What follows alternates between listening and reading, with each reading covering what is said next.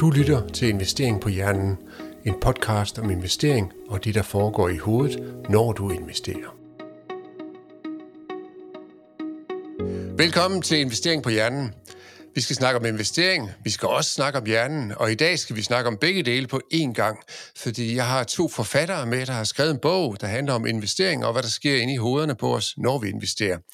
Velkommen tilbage til dig, Jon Sigurd Wiener. Tak skal du have, Jens. Og øh, velkommen til Lene Nordin Gross. Tak skal du have, Jens. Vi er tre her i dag, så det bliver måske sådan lige noget, vi skal lige vende os til. Hvem snakker vi med? Vi kan jo ikke se hinanden, for vi sidder ikke i samme rum. Vi kan se video, men I kan ikke se, hvor jeg kigger hen på skærmen, men det finder vi ud af hen ad vejen. Jeg har noget, der hedder kvikrunden, vi lige skal starte med, fordi øh, så kommer mine lyttere måske til at kende jer lidt bedre. Og øh, hver især, vi tager en af gangen, skal I bare vælge, hvad I helst vil vælge af de to emner, jeg nævner. Og vi starter med den hårde. Coca-Cola eller Pepsi? Jon? Coca-Cola. Lene? Også Coca-Cola. Rock eller pop? Lene? Uh, jeg er lidt til begge, men mest pop, tror jeg. Mest til pop, ja. Og Jon? Jeg er mest til rock. Bil eller cykel? Lene? Ja, det er jeg også til begge dele. Jeg cykler en del, men jeg kan også bil. Og jeg er mest til bil. Jeg er mest til bil. Du er mest til bil, ja. Hvis I nu skal øh, på ferie, skal det så være backpacker eller all-inclusive, Jon? Eller all-inclusive. Og Lene? Øh, helst noget helt tredje. Helt tredje? Hvad vil du så gerne? Jamen, jeg vil helst øh, planlægge selv, så jeg både får øh, nogle spændende oplevelser, men øh, det gør heller ikke noget. Det er også nogle lækre omgivelser. Udmærket. Men uh, all-inclusive tror jeg Ja. At krybe Ja. Men vi er jo nødt til også at tænke lidt på det her ESG og sådan noget, så jeg har også begyndt at tage sådan nogle spørgsmål med, ikke også? Så, så hvis I nu skulle den bil, I før gerne vil køre i, er det så en, øh, en, en med gammeldags brændstof, eller er det en elbil, I vælger? Lene, vi starter med dig. Jeg har elbil. Og Jon? Jeg vil klart købe en elbil, hvis jeg skulle have en bil. Ja. Jamen, øh, det var lige kvikrunden. Længere og sværere var det ikke. Så ved vi lidt mere om, om jer. I har skrevet en bog sammen. Hvordan, hvordan fandt I på, at I to I skulle skrive en bog sammen? Jamen, vi fandt på det, fordi at øh, Lene var så øh, øh, venlig, at øh, hun arbejdede for Nordnet øh, for et stykke tid siden, inden vi kom i gang med bogen. Og de valgte at interviewe mig øh, til brug for, øh, ja, for deres kunder. Så vil du måske supplere, Lene? Ja, altså jeg har jo interesseret mig for øh, adfærdspsykologi og kan man sige, alt muligt inden for, øh, hvordan hjernen fungerer og føles osv. Øh, også i mit, øh, mit tidligere arbejde, hvor jeg blandt andet har været øh, coach. Og øh, synes, det er enormt interessant at se, hvordan vi egentlig opfører os, og hvordan vi tror, vi opfører os. Og det tænker jeg kunne være interessant at interviewe øh, Jon omkring i forhold til øh, den øh, psykologi og den adfærd, som øh, i høj grad præger investeringer. Ja. Og da jeg så interviewede øh, Jon, og vi havde lavet øh, nogle videoer og nogle øh, blogs til, til Nordnet, så spurgte jeg Jon, om han kunne være interesseret i at skrive en bog, og så sagde Jon, det var han. Ja, og så har I simpelthen skrevet den her bog, Kaffe Latte-reglen hedder den, og, og, og, og den handler jo ikke så meget om kaffe, går jeg ud fra. Det er jo ikke det, der er kerneelementet. Men, men prøv lige at forklare helt kort, hvad bogen den går ud på. Altså, bogen handler om, at øh, vi alle sammen har nogle øh, småudgifter. Og de småudgifter, de kan hurtigt løbe op, og mange bliver faktisk også meget overrasket over, hvor meget de her øh, små udgifter, det kan være til kaffe latte, det kan være til sandwich, vand, man køber på farten, hvad det nu er. Øhm, og når man så gennemgår sit budget, så øh, vil mange, ikke alle, men rigtig mange mennesker vil kunne finde en hel del 100 kroner, og måske også øh, 1.000-1.500 kroner om måneden. Og hvis man tager de penge og spare op og investere i stedet for, så er den første gevinst, at man har flyttet penge fra forbrug til opsparing. Og den anden gevinst er, at man stille og roligt får glæde af renters renteeffekten. Og det helt specielle og nærmest geniale ved at spare op på den her måde, det er, at ens følelser har allerede vinket farvel til penge, man var klar til at bruge. Og det vil sige, når man skal lære at træne sine følelser til de udsving, der altid er, når man investerer, så er lige præcis de her penge helt fantastiske at starte med, fordi alt, som man der overstiger 0, det vil sådan set være en gevinst, fordi man ellers havde brugt penge. Og derfor så kan man øh, stille og roligt se sin øh, opsparing vokse i takt med, at man lægger flere og flere penge til side, og i takt med at rentes renteeffekten øh, sætter ind. Og formentlig næsten uden at man mærker en nedgang i sin livskvalitet her nu, hvis det bare er 1, 2, 3 eller hvor mange kaffelatter man nu kan spare på en måned. Det synes jeg lyder som en rigtig øh, interessant øh, idé, og så kommer man jo i gang med at, at investere. Du lytter til Investering på Hjernen. Husk at abonnere, så du ikke går glip af et afsnit. Det der med at, at, at vi farvel til pengene, hvad, hvad, hvad mener I med det? Jamen lad mig svare på det. Altså, det er jo, øhm, hvis det er, at man allerede havde tænkt sig, at man ville købe en hel del kaffelatter eller andre småudgifter i løbet af måneden, så har man jo allerede vinket farvel til de penge. Og man er jo virkelig vant til det, fordi det er jo det, man har gjort de sidste mange måneder. Der har man netop brugt, haft, haft de her, kan man sige, klatudgifter. Og derfor så er det fordi, at, at vi mennesker har det nemmere ved at øh, investere for penge, som vi allerede føler er lidt, vi har brugt en penge, vi for eksempel virkelig føler, vi har arbejdet hårdt for, ja, så, så kan man sige, så rent følelsesmæssigt, så er det ikke rigtig nogen belastning at, øh, at investere de her penge i stedet for. Tværtimod, så kan det, især hvis man læser vores bog, så kan man gøre, det, gør vi det meget tydeligt, hvor mange positive følelser, i virkeligheden, hvor mange gevinster, både følelsesmæssige tidsgevinster og økonomiske gevinster, der er forbundet med at spare de her penge op via at investere i aktier. Ja. Hvordan skal man så gøre det? Skal man så gøre det på den måde, at man øh, kommer gående, nu bor I jo begge to i København, ned ad strøget, og så tænker man, ej, jeg kunne have en kaffe latte, og så skal man sige til sig selv, nej, det vil jeg ikke alligevel, og så skal man gå ind på en investeringsapp, og så investere, eller, eller hvordan kommer I med nogle guides til det i bogen? Men dybest set så handler det om, at man måske får nogle vaner med, at man kan tage noget kaffe med øh, hjemmefra, eller en kop te. Vi snakker med en ung kvinde her forleden, som sagde, at efter hun har læst vores bog, så var hun øh, holdt op med at købe en chai latte, som øh, koster præcis det samme som en kaffe latte. Og det er rigtig mange penge, særligt her i, øh, i København. Og hun fandt ud af, at hun, hun købte en om dagen på vej til arbejde. I stedet for har hun bare taget et øh, termokrus med, med, med te. Og jeg synes egentlig, at det var øh, en virkelig, virkelig god følelse, fordi hun følte, at jeg får sådan set det samme, men jeg har sparet virkelig, virkelig mange penge. Og det, man jo kan øve sig i, det er jo at tage en flaske vand med, eller at man lige husker at smage en madpakke en gang imellem, lige tager en, øh, en frokostsalat med, i stedet for at købe en. Og, og hverken Jon eller jeg er jo øh, fortaler for, at man skal leve sådan et øh, liv, hvor hele tilværelsen bare bliver en spareøvelse. Men det der med, at man lige får nippet lidt hister, hister her, der ligger faktisk virkelig, virkelig mange øh, penge gemt. Og i nogle tilfælde, så kan der faktisk også være en sundhedsgevinst, fordi det, man måske får med hjemmefra, måske er en lille smule sundere, end det, man køber ud, ud byen. Så, så man skal lave sine vaner om. Altså det kræver altså, at man får tænkt sig om på forhånd. Man får taget noget vand med, får smurt en sandwich. Det er det, man skal i gang med. Så det er ikke sådan noget impuls, I vaner og, og påvirke, at nu fik jeg en impuls lyst til at gå ind på Espresso House reklame. Nej, det var det ikke, men det var der et brandnavn. Øhm, det, det, det er ikke der, man skal gøre det. Eller hvad, Jon? Fordi sådan nogle impulser, Nej. de påvirker os jo også. Jamen, altså, det, det kan man selvfølgelig også godt gøre. Altså, vi var i et, øh, i et andet radioprogram, og så var der en lytter, der sagde, at uh, hver gang han uh, så sådan en, der målte, hvor, hvor hurtigt han kørte i bil, og han så uh, ikke, ikke kørte for hurtigt, så tog han faktisk og tænkte, at ah, jeg kunne have fået en, en fartbøde her, og dem, dem jeg vælger jeg at spare op. Så anything goes, altså det, så, så længe man får sparet op. Men det er også en vigtig pointe.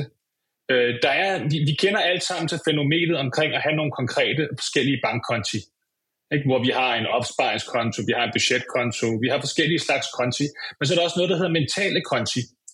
Ikke? Og det er de ubevidste konti, som også styrer, øh, faktisk ja, nærmest determinerer meget af vores pengeadfærd. Og det er klart, at der anbefaler vi jo også, at man allerede i starten af måneden allokere penge øh, til investering, sådan så de i virkeligheden er væk fra den her lønkonto, sådan så man faktisk ikke engang kan bruge dem. Jo, man kan godt bruge dem, men så bliver det virkelig besværligt at bruge dem, fordi så skal man føle, at man måske enten skal sælge nogle aktier, eller, eller gøre det besværlige ved at fjerne penge fra en investeringskonto. En af de smarte ting ved investeringskonti også, det er jo, at der er jo ikke knyttet betalingskort til. Ikke? Så, så man kan sige, at man indfører en forsinkelse, man indfører noget besvær ved at komme til at bruge de her penge. Så det er jo også en måde, man ligesom, kan man sige, notcher sig selv til at, øh, at spare op, uden man egentlig rigtig lægger mærke til det. Fordi det er jo kun lige den her ene gang i starten af måneden, og det kan jo nemt med de nye øh, produkter, som mange banker har med månedsopsparing, jamen så, så, sætter, så trykker man bare på knappen en eneste gang, ikke? og så fortsætter det bare måned efter måned. Så altså, vi er jo store fortaler for, at vi bare lige så godt kan gøre det så nemt som overhovedet muligt.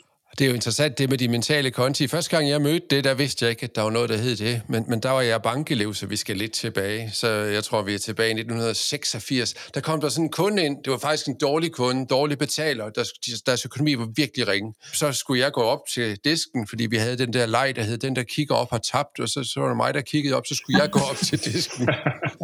og, og så siger øh, kunden så, og øh, det foregik i Sønderjylland, så det var med sønderjysk accent, om han øh, kunne få en julemands konto. Og, og jeg tænkte, det ved jeg ikke, så kiggede jeg i vores forretningsgang, og jeg kunne ikke finde en julemandskonto. Og det manden, han ville have, det var, at han ville have en opsparingskonto, hvor han kunne spare op til julegaver hen over året. Og det er jo sådan noget, rigtig mange burde have, men næsten ingen har, fordi man antager, at man kan bare have pengene stående på sin normale konti, og så står de der, når vi kommer hen til jul. Det gør de aldrig. Så december og januar er hårde måneder for langt de fleste par, men de der vaner, de vil jo være gode at få stillet op. Ingen tvivl om det. Du lytter til Investering på Hjernen, en podcast om investering og det, der foregår i hovedet, når du investerer. Men et andet sted i bogen, der siger jeg også det her med, at man kan ikke blokere sine følelser, og det er der mange investeringsbøger, der siger, at man skal være rationel. Prøv lige at sige lidt om, om det, fordi det kommer jo ind over det, vi lige snakker om nu også. Altså man kan sige, det er, det er et vilkår. Man kan sige, du, jeg ved, du også kender til, til adfærdsøkonomi, Jens, så det gør Lene selvfølgelig også. Og, og det er jo et, et vilkår, at, øhm, at vi i virkeligheden har følelser. Der, hvor adfærdsøkonomerne og Daniel Kahneman i virkeligheden tog fejl, det var, at de bevarede idealet om, at man ikke skulle bruge sine følelser. Der blev talt om system 1 og system 2, og system 1, det var ligesom det, som var allokeret til følelserne, og det var det, der var årsag til biases og alt det her, vi synes er dårligt. Og så var system 2, og det var det, man skulle i gang sætte, ikke frontallapperne og så videre, det var det, man skulle i gang sætte for ikke at være biased. Ikke?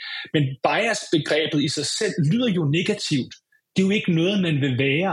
Og det var følelserne, der var årsag til de her biases. Så heldigvis har man jo taget adfærdsøkonomien ind i den, i den nye tidsalder, hvor hjerneforskningen, kan man sige, har overtaget, og det kan man sige er blevet efterfølgende af neuroøkonomi.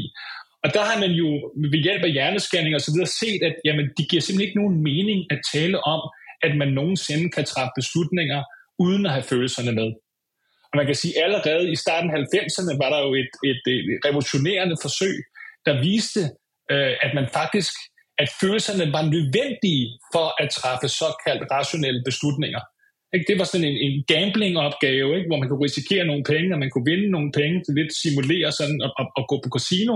Og her gik det ud på at, at vælge mellem forskellige øh, bunker kort, hvor man kunne vinde øh, nogle penge på de nogle bunker, man kunne øh, øh vinde flere penge på nogle andre bunker, og man kunne tabe nogle penge osv. Pointen ved selve forsøget var, at vi ubevidst, uden at være klar over det, så begyndte vores følelser allerede at mærke, hvad det var for nogle bunker, altså hvor det var, at vi på lang sigt ville tjene flest penge og tabe mindst penge, mens at bestemte mennesker, blandt andet psykopater og mennesker med skader til ventromedial præfrontal cortex, de ikke kunne.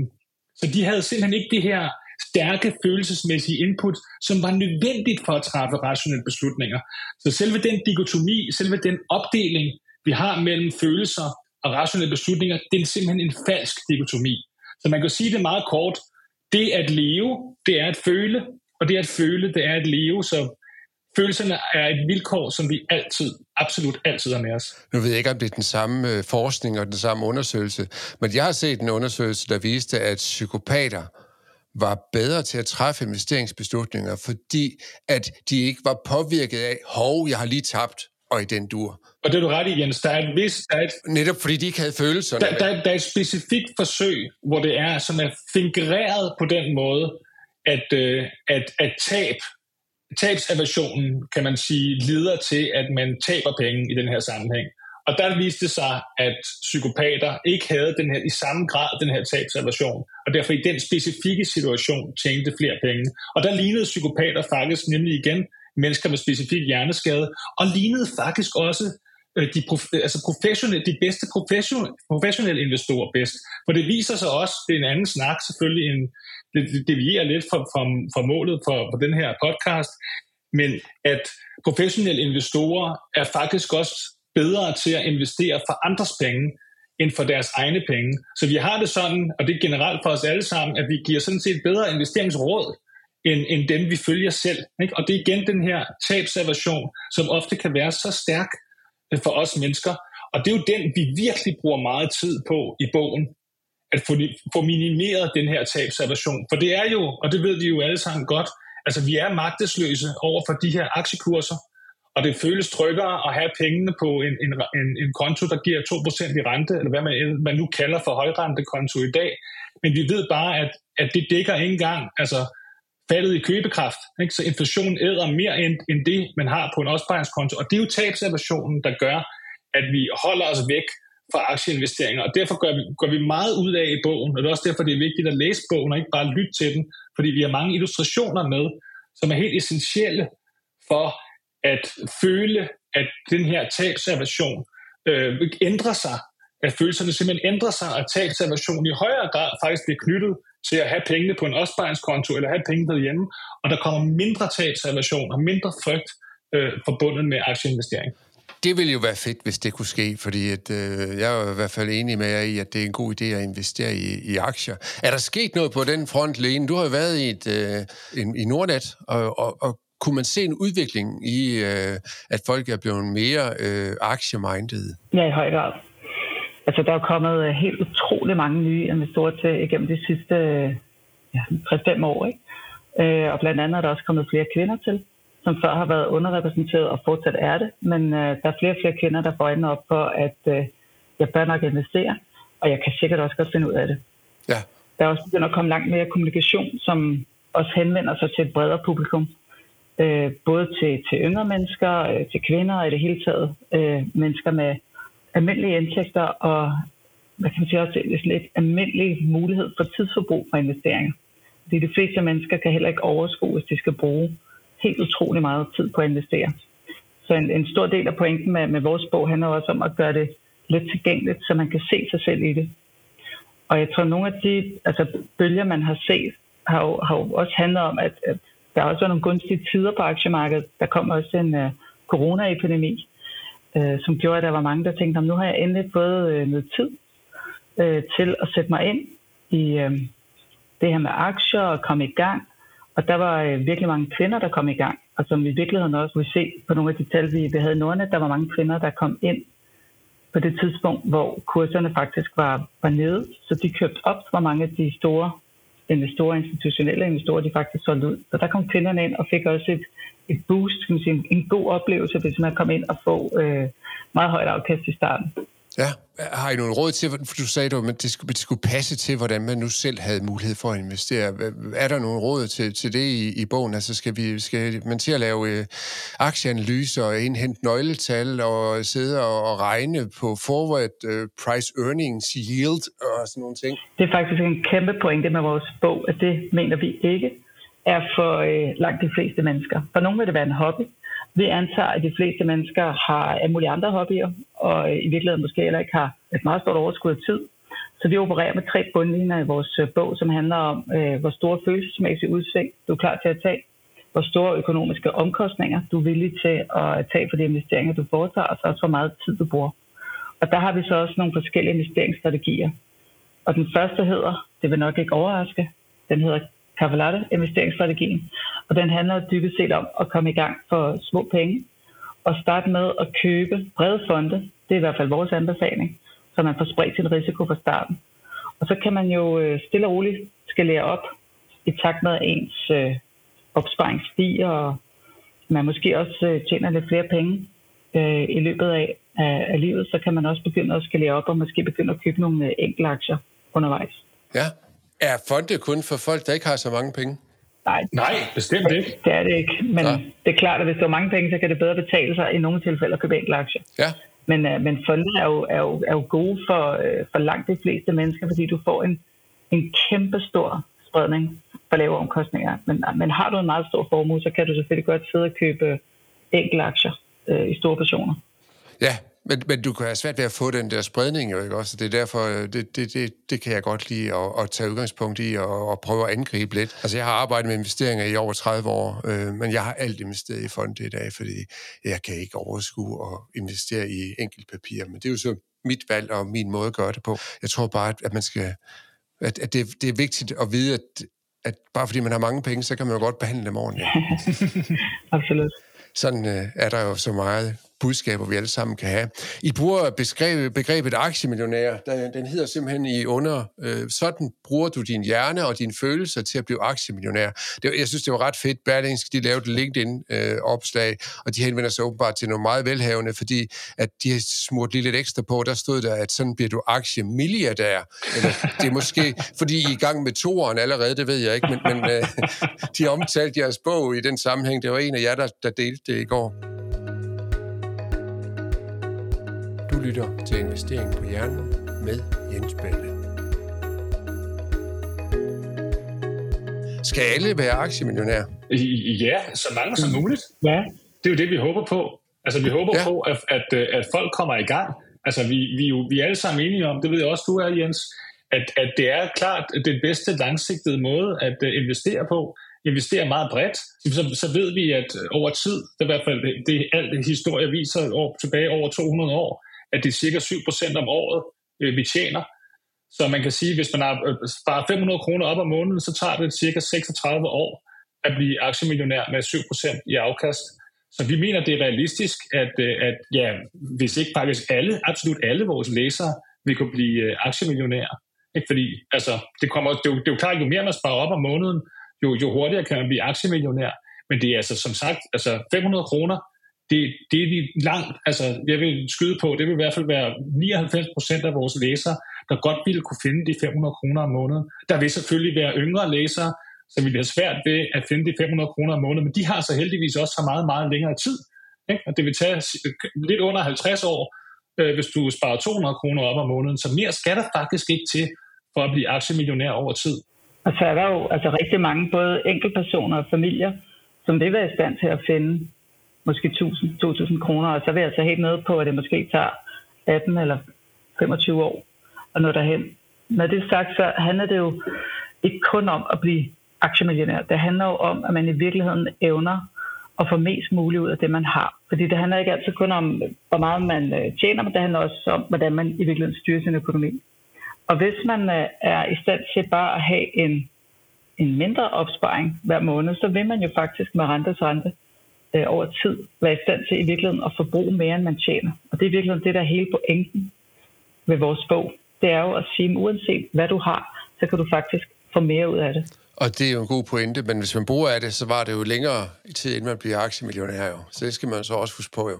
Jo, men på den anden side, så det kan jo også være en, en rar følelse at måske have sparet op i, i fem år, selvom man har haft en meget øh, langsigtet plan, og så opstår der en eller anden mulighed for en rejse, eller man får mulighed for at tage en eller anden uddannelse, hvor man tænker, at det koster nogle penge. Men det vælger jeg så at bruge penge på nu.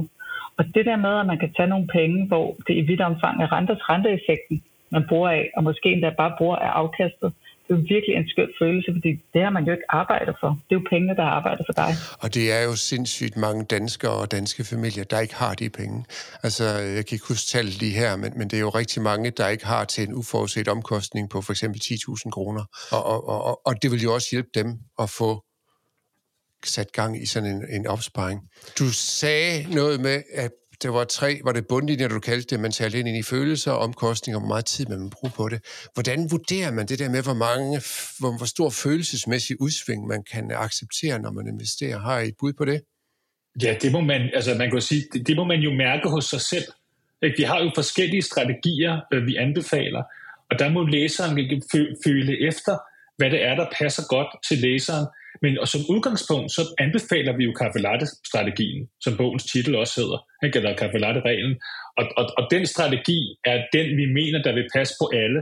Hvis man så føler, at øh, nu vil jeg gerne øh, have lidt mere excitement, nu vil jeg gerne have lidt mere følelsesmæssigt udsving, øh, jamen så, så kan man jo gå videre og tage kaffe latte grande øh, strategien, som vi kalder den, hvor man begynder at få, få lidt mere med og få lidt mere følelsesmæssigt udsving, men altså også lidt, mere, altså lidt højere tidslige omkostninger, øh, og også faktisk lidt højere økonomiske omkostninger. Der er jo noget fantastisk ved de her ekstremt billige fonde, som jeg ved, du også er glad for, Jens. Altså, så, øh, og det, det, er, det, er, det er virkelig svært at slå dem, ikke? fordi de, de fonde, når, når de, de ændrer selvfølgelig også hele tiden på deres portefølje, de prøver at følge et indeks, men de har bare selvfølgelig stordriftsfordele, så de har jo en helt, nogle helt vanvittigt lave transaktionsomkostninger. Så selvom transaktion, der heldigvis også er konkurrence på transaktionsomkostningerne her i Danmark, ikke, hvor det er godt, at i hvert fald Nordnet og Saxo, og der er også flere andre banker, der melder sig på banen, som hele tiden gør, at transaktionsomkostningen for os private forbrugere eller private investorer bliver mindre, så vil det jo altid være sådan, at de her kæmpe fonde øh, kan købe og sælge endnu billigere end os. Det er ikke helt forkert, så, så man, det behøver sikkert være dyrere at investere sammen med andre, i hvert fald, øh, når man kigger på det bagefter. Også fordi vi jo har den der selektive hukommelse, der gør, at vi nogle gange, så kan vi godt huske det, der er gået godt, mens vi glemmer det, der er gået skidt. Det ved du sikkert også en hel masse om, Jon. Men, men det er jo også sådan med det med, med følelser, hvor mange følelser man kan tåle. Altså risiko, det er jo lidt som at sælge elastik i metermål. Når det går godt, så vil folk gerne have det, og jeg vil have mere af det. Og når det går skidt, så ville jeg aldrig have haft det, og det er også dårlig rådgivning. Det er sådan det, jeg har oplevet, når man er siddet som rådgiver, så er det sådan, de siger kunderne. Men så vil man ikke have det der risiko.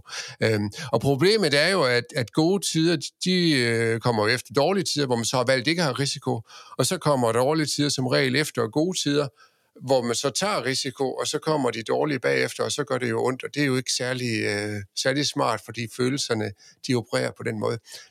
Har I nogle idéer til, hvad man kan gøre ved, ved det?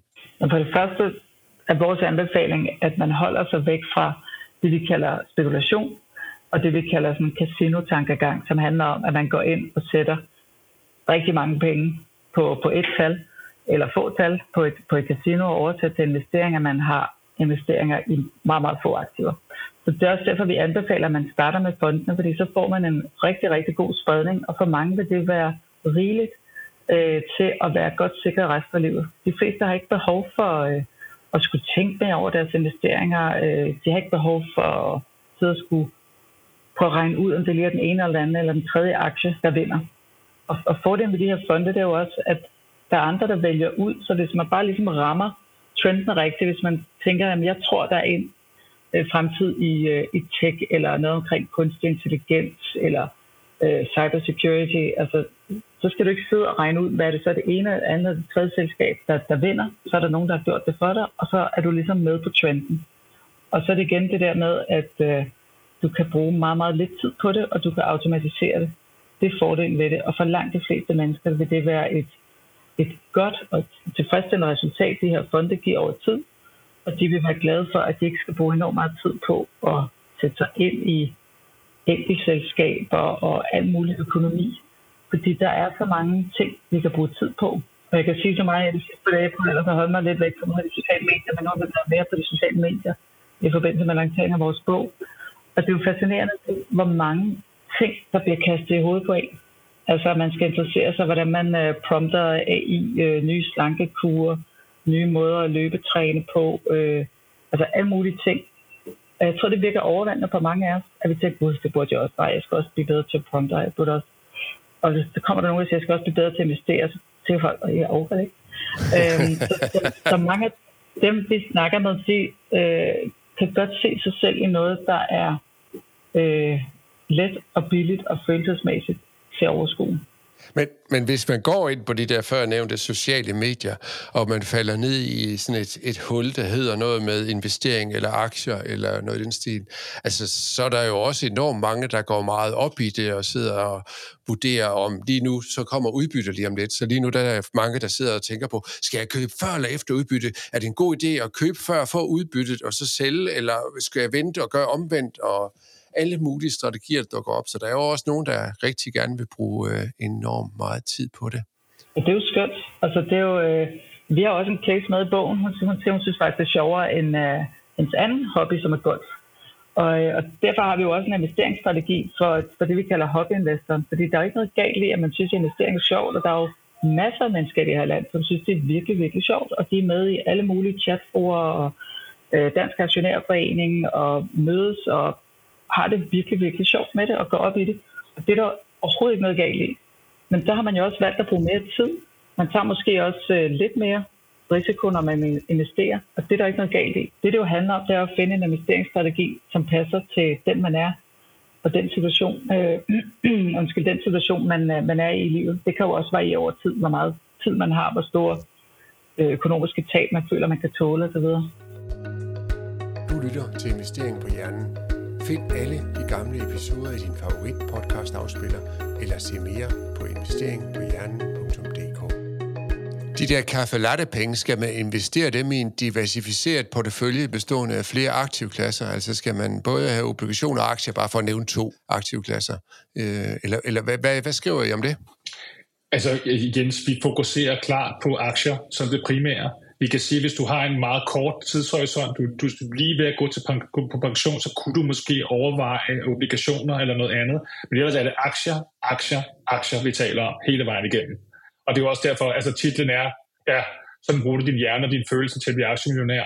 Og, og, og det er virkelig det, vi mener, og det er det, vi, vi, øh, vi argumenterer for gennem hele bogen. Med den her lille bitte undtagelse af med en meget kort tidshorisont, så kan du overveje noget andet. Netop fordi, at hvis du nu kommer til at ramme et tidspunkt, hvor aktiemarkedet går meget ned, og du er tvunget til at sælge, så er det simpelthen for ærgerligt. Ikke? Jo. Der er jo den her klassiske, nu kan jeg ikke lige huske lige hans navn, altså Nobelprismodtageren, der argumenterede for, at man skulle være 50-50 i obligationer og aktier. Ikke? Fordi hvis aktiemarkedet gik ned, så var han glad for at have obligationer. Hvis aktiemarkedet gik op, ja, så var han glad for at have aktier. Så det var, det var et forsøg på at skabe en slags tommelfingerregel for, hvordan man tager mest muligt hensyn til sin følelsesmæssige tilstand, øh, når man investerer. Men der er vi altså anderledes end Nobelpristageren, og vi er, vi er mere faste og mere sikre på, at det er aktier, det hele handler om. Ja. Og så vil der selvfølgelig være perioder, hvor obligationer kan være interessante, og så kan man jo øh, spørge sin øh, rådgiver, om det lige nu det kunne være en, en god periode at kigge lidt i retning af obligationer, men, men over tid, så er der ingen tvivl om, at aktier er det, der har givet altså langt, langt, langt det største overvældende afkast i forhold til obligationer i forhold til guld. Og det nævner vi jo også øh, først i bogen. Ja. Vi går også en pointe ud af, at der er ingen, øh, der virkelig er eksperter på aktiemarkedet, fordi der er ingen, der rigtig er klogere end aktiemarkedet. Ikke? Derfor så er det, skal man også være skeptisk øh, over for dem, øh, der mener, at de kan forudsige fremtiden, fordi det er der virkelig ingen, der kan. Og det gør vi også, det er en vigtig pointe i bogen, at der er forskel på en, en såkaldt øh, investeringsekspert, der taler om, hvordan han kan forudsige fremtiden, og så for eksempel en håndværker, der er ekspert i sit håndværk. Fordi ja, han er jo rent faktisk bedre end andre, men aktiemarkedet er specielt i den forstand, at det er arrogant at tro, at, øh, at, man, kan, at man er klogere end markedet. Så derfor så er det jo så smart at starte med, som i strategien starte med at investere i de her indeksfonde, hvor man netop er investeret så bredt, som man overhovedet kan være øh, i aktiemarkedet. Ja. Investerer mænd og kvinder forskelligt, Lene? Ved du, øh, du, du vil snakke om det tidligere, og kvinder var begyndt at komme ind på markedet, men, men investerer de grundlæggende forskelligt? Ja, øh, og, og vi fortæller også om det i bogen, altså der er, jeg kan sige, nogle forskelle, både sådan statistisk og adfærdsmæssigt, og man kan se, at der er nogle forskelle på, hvordan øh, mænd og kvinder generelt investerer. Det betyder ikke, at alle mænd investerer på en måde, og alle kvinder på en anden. Men det betyder, at der er flere mænd, som øh, gerne vil tage øh, risiko, og særligt øh, unge mænd med masser af testosteron, de vil gerne øh, tage ekstra meget risiko. Det er også dem, der laver største ulykker, både i, i trafikken og på, på aktiemarkedet. Og så lærer de det stille og roligt. Kvinder er ofte sige, også sådan biologisk blevet belønnet for forsigtighed, og så har der også været nogle øh, samfundsmæssige rammer, som gør, at det er relativt nyt, at kvinder har fået råderet over egne penge, og det hele taget begynder at investere selv. Så det er også en ny erfaring, som øh, er værd øh, øh, ved stille og roligt ligesom at, at rodfæste sig. Og det, som, øh, som kvinder hvad kan man sige, ofte gør, det er, at de bruger længere tid på i det hele taget at komme ind på aktiemarkedet. De har øh, ofte en mænd en følelse af, at de skal vide mere, så de er måske også en lille smule mere velforberedte. Ulempen er, hvis de er så velforberedte, at de øh, hvad kan man sige, bruger meget, meget lang tid på at komme i gang, så de går glip af rente eller aldrig rigtig kommer i gang med at investere. Men det vi kan se, øh, også når vi kigger ned i data, det er, at kvinder er generelt bedre til at investere langsigtet med øh, hvad kan man sige, en passende risiko. Øh, de er bedre til at gå ind og ud af markedet. Og det vil sige, at de har lave handelsomkostninger. Og et af de eksempler, vi viser på Sagde du, de var bedre til at gå ind og ud af markedet? Eller at de var bedre til ikke at gøre det? Nej, til, til ikke at gøre det. Og det vil sige, at de får i snit øh, 0,4 procent om året mere i afkast end mænd. Så kan man sige, at der hvor kvinder kan være udfordret, det er, at de er lettere at overtale til såkaldte lavrisikoprodukter, som øh, også i nogle tilfælde øh, har meget høje omkostninger.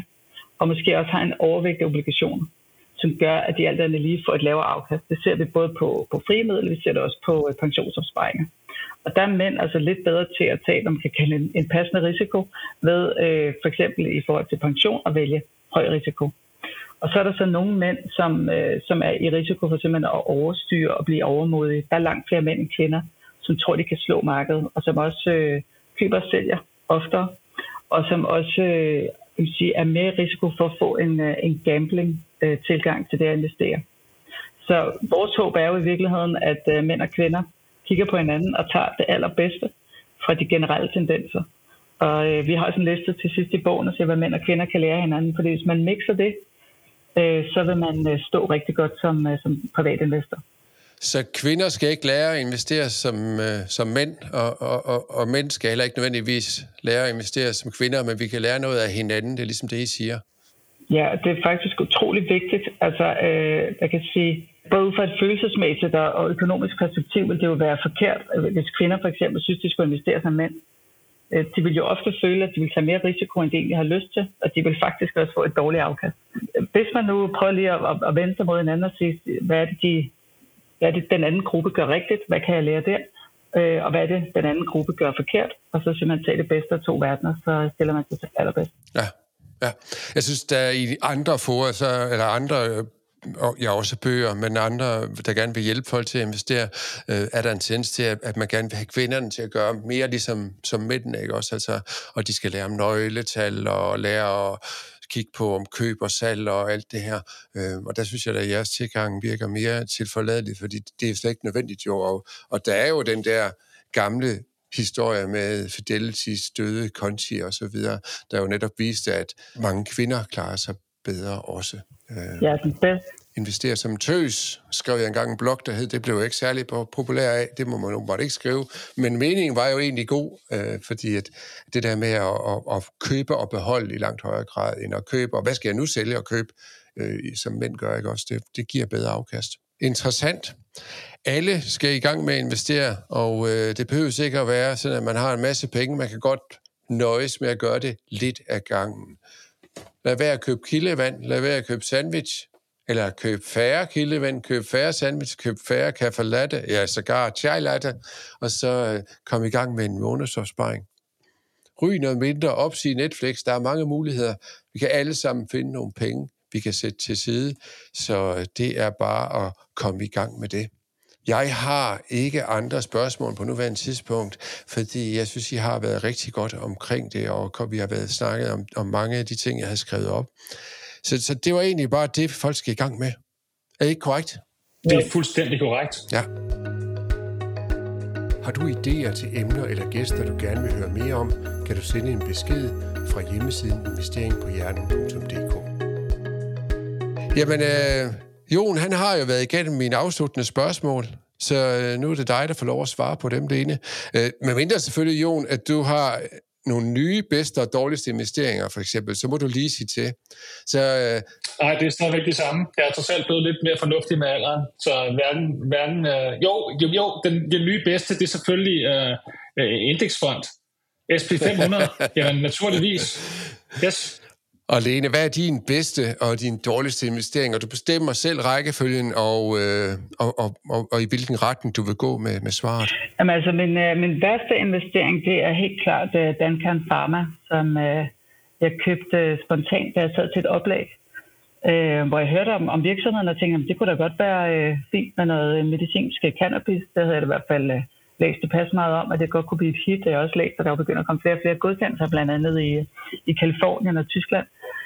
Og så sidder jeg sådan lidt og sparker dæk sammen med en, jeg kender, en, der hedder Jens, nede på de billige rækker, og så tænker vi, øh, vi skal da have os nogle, øh, nogle hasseaktier, og vi sidder der og fniser lidt, og så køber jeg sådan en portion der, og, øh, og det er også den aktie, som har været allermest øh, volatil. Det er sådan en, der har kunnet stige 37 procent øh, inden kl. 12, og så gå i minus 5 inden kl. 17. Ikke? Øhm, og den er nu stort set væk fra vinduet. Øh, så, så har jeg lært det, for kan man sige, det er jo øh, alt det, man ikke skal gøre. Ikke? Det er investere på øh, spontanitet, mavefornemmelse, alt, øh, som øh, emmer af mangel på indsigt. Så, øh, så det har været sådan en, øh, en fin lille øh, lærepenge for mig, som jeg griner lidt af. Og lær, nogle gange er egne erfaringer jo meget bedre end andres erfaringer. Ingen tvivl om, om det ikke. Og så bare håbe, at du lærer det rigtigt af det. Fordi nogen kunne jo godt finde på at sige, aktier er farlige, jeg skal aldrig investere i aktier, men jeg hører dig sige noget andet, at impulsivitet skal du passe på med, og så videre. Ja, men og så skal man jo sørge for, som jeg har sagt flere gange, man skal sørge for at sprede sine investeringer. Altså, det her er jo trods alt en lille portion i forhold til, øh, til de investeringer, jeg har, så det er ikke noget, der, øh, hvad kan man sige, er andet end sådan en lille øh, smæk over fingrene, og så, øh, så lærer jeg det. Øh, det er jo sådan set også fint nok. Ja, og din bedste? Ja, min bedste, altså, øh, jeg har siddet og kigget lidt i det, jeg tror, altså, det, det må være Novo, altså, også fordi jeg har haft Novo så længe. Nyere tid, så har det været øh, Meta, og så øh, altså Tech ETF er det hele taget, altså også hvor øh, selskab som øh, Nvidia for eksempel har været med. Ikke? Et meget godt eksempel på, at altså, jeg godt kunne spotte, at der var noget omkring øh, Nvidia måske, og noget omkring altså hele det der, hvad kan man sige, område men ligesom vi skriver i bogen, vi ved jo ikke rigtig, hvem af de selskaber, der leverer de her forskellige ting, som i virkeligheden bliver morgendagens øh, venner, og om der pludselig er en konkurrent, konkurrent til Nvidia, som jeg ikke kan regne ud. Så jeg er mere tryg ved at købe et selskab som Nvidia, for eksempel en, en, en bred ETF. Ja. Så, øh, så det er noget af det, jeg har haft bedre. Så jeg, altså, jeg har købt nogle enkelte aktier også i, i tech, som har, har altså, givet et virkelig, virkelig godt afkast. Altså netop i ETF, og der, de, de aktier, du lige har nævnt her til sidst, nemlig både for eksempel Meta og Novo og jo også Nvidia, de vil jo indgå i, i sådan en bred øh, ETF øh, på en eller anden måde. Så, så har man dem jo også, selvom man bare, bare investerer igennem øh, ETF'er. Ja, i nogle af ETF'erne udgør de en, en meget stor andel, ikke? måske jo. 12 procent. Eller, ja, præcis. Ja, så får man jo også en god bid. Ja, øhm, og, og, og der er mange, der taler om det der med, at det gode ved ETF, og det er, fordi det er passiv investering. Øh, og det er det jo mm. også fra dig som investor, fordi du skal ikke gøre noget. Men inde i ETF'en og i indeksen, der sker der jo løbende en form for tilpasning. Altså, øh, hvis man kigger på Dow Jones, så er det jo ikke de samme aktier, der er i dem øh, for 15 år siden, som er i i dag. Og på den måde sker der jo løbende en, en ændring. Øh, og, og det er jo vigtigt at have for øje, at hvis man begynder at købe enkelte aktier selv, så er det heller ikke sikkert, at man skal bare holde fast i dem, fordi altså SAS-aktien, jamen det, det er ikke en løsning at holde fast i den. Den bliver formentlig aldrig noget værd igen. Så ja, jamen det var din bedste og din dårligste investering. Jeg laver lige lidt om på anbefalingen, fordi der er ingen tvivl om, at I nok begge to vil anbefale den her kaffe latte-reglen som bog. Så, så en anden bog om investering og eller investorpsykologi, som du kunne finde på at anbefale, Lene. Har du sådan en? Jamen, jeg har faktisk læst uh, flere af Lars Tedes bøger. Altså ja. den her Bobler, Bullshit og Børsfest og Supertrends og Børshandelspsykologi. Øhm, og jeg synes, det har været virkelig interessant, fordi jeg synes, Lars Tede er, er virkelig god til at at kommunikere. Han er jo ligesom, øh, hvad kan man sige, finansverdens svar på James Bond, ikke? Og, øh, og jeg smiler, når jeg læser det, fordi det, det, er, sådan, det er virkelig sådan klassisk øh, og sådan maskulin kommunikation, ikke? At han har det der slot i Schweiz, og han fortæller, at han sidder og dikterer fra en, fra en båd i Kroatien, og han lever virkelig det liv, som, øh, som mange, jeg tror også øh, unge mennesker øh, drømmer om, særligt CBS-studerende. Det er samtidig også en, øh, en påmindelse for mig om, når jeg læser, hvor meget tid han har brugt på at sætte sig ind i det, og hvor meget øh, sige, krudt og kræfter han bruger på ligesom at læse markedet og konjunkturer og underliggende trends. Og, øh, altså jeg tænker, man, man bruger ufattelig meget energi på at prøve at regne markedet ud. Og det har selvfølgelig været hans fuldtidsbeskæftigelse, så, så det er jo sådan set øh, fint nok. Jeg tror, for almindelige mennesker er det enormt krævende og enormt komplekst øh, komplekst at gøre det, som han i virkeligheden står for. Men jeg synes, man kan lytte til mange af de øh, ting, han siger med at prøve at regne altså hovedtendenser ud, prøve at holde øje med, at der er nogle øh, cykluser, prøve at holde øje med at få øh, trimmet sin portefølje. Altså nogle gange lige at få taget toppen af, hvis man har tjent rigtig meget. Og det er det, der er svært. Fordi vi ved jo aldrig, hvornår toppen er. Vi ved aldrig, hvornår bunden er, og så skal vi alle sammen købe ind. Præcis, vi kan godt præcis. regne ud, at det er smart at sælge på toppen og købe i bunden, men vi aner jo aldrig, hvornår det er. Men man kan jo godt prøve at tage noget stikket hjem, og man kan jo godt prøve, når alle andre øh, ser bange ud, og så tænke, jeg tror faktisk, nu går jeg ind og køber. Problemet er jo bare, hvornår er alle andre bange, ikke også? Altså, og hvornår er de over positive. Øhm, så det, det er jo bare enormt svært. Og øh, jeg synes jo også, at, at, at noget af det, du lige var havde fat i, at, at han har jo en stor indsigt, men der er jo også noget der, der bekræfter det, som Jon sagde tidligere. Der er jo ikke nogen, der er eksperter på det her område, fordi han har jo også lavet en hedgefond, som jo er faldet lidt under indre værdi, øh, eller hvad det hedder. Så, så der er jo, det er jo ikke så nemt, som det er skrevet. Nej, nej, der var jo også stor fokus fra, fra deres side på, på Rusland, ikke? Jo. Og så kommer øh, krigen i Ukraine. Men det var fordi, han så jo nogle muligheder der, jo, og med hele hans baggrund vurderede, at det var et godt sted at investere. Ja, så, så, så, rammer virkeligheden. Jo, præcis. Øhm, jeg, var, jeg vil også gerne nævne en anden bog, som i virkeligheden ikke har så meget med, øh, med investering at gøre, men som handler om hjernen, som jeg virkelig kan anbefale. Det er en, der hedder Kaja Nordengel, som er en norsk øh, speciallæge, øh, og en af de Ja. Hun er Kaja Nordengen, eller Nordengen, tænker jeg det er. Og hun er en af de nordmænd, som, som også har fået en doktorgrad. Hun har skrevet en virkelig, virkelig øh, god bog, som hedder Hjernen af stjernen, som øh, er virkelig læseværdig. Ja.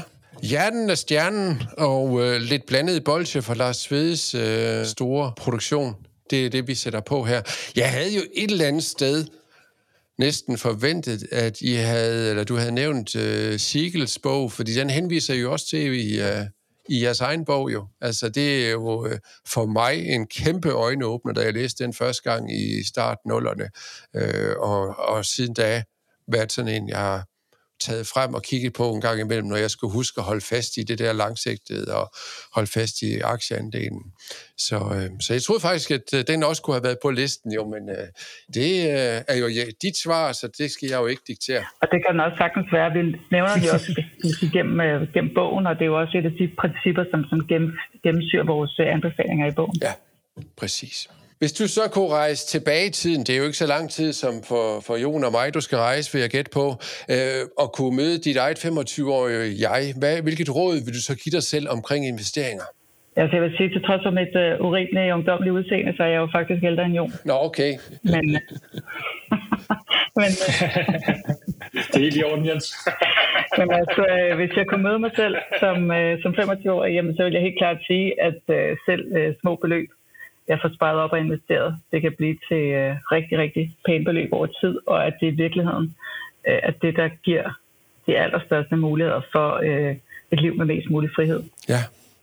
Drik mindre kaffe latte. Det vil være et af dine råd. Ja, bare, øh, måske bare have noget helt almindeligt sund øh, snusfornuft, og øh, sørge for at lægge lidt til side. Så får man øh, mest muligt af det, man har. Det er gode råd. Det er gode råd at give videre. Jeg håber, jeg tror ikke, det sker, at mine egne døtre, de lytter med i dag på den her podcast, men øh, jeg tror ikke, at de er helt klar til at, at tage imod det endnu, men det kommer måske en dag. Det er altid svært at få... Øh, og arve andres erfaringer, så, så det er ikke altid så nemt at gøre. Det er bedre at drage sin egen. Men det kunne være smart, hvis man kunne lytte noget mere. Jeg synes, det har været interessant at have jer med i dag. Der er jeg jo en investerings, øh, på, investering på Hjernenkop på vejen til begge to. Ja, så har du jo to, Jon, men øh, så må vi jo se, hvor mange du kan nå at komme op på, når du nu ved så meget om, hvordan vores hjerner de fungerer, så øh, er der jo basis for, at du kan komme tilbage. Og øh, jeg laver link til jeres bog i øh, notes, øh, og øh, også til anbefalingerne her. Tusind tak for nu. Tusind tak, Jens. Som altid fornøjelse, Jens. Tak for i dag. Du har lyttet til Investeringen på Hjernen med Jens Balle. Har du idéer til emner eller gæster, du gerne vil høre mere om, kan du sende en mail til info eller sende en besked fra hjemmesiden investeringpohjernen.dk.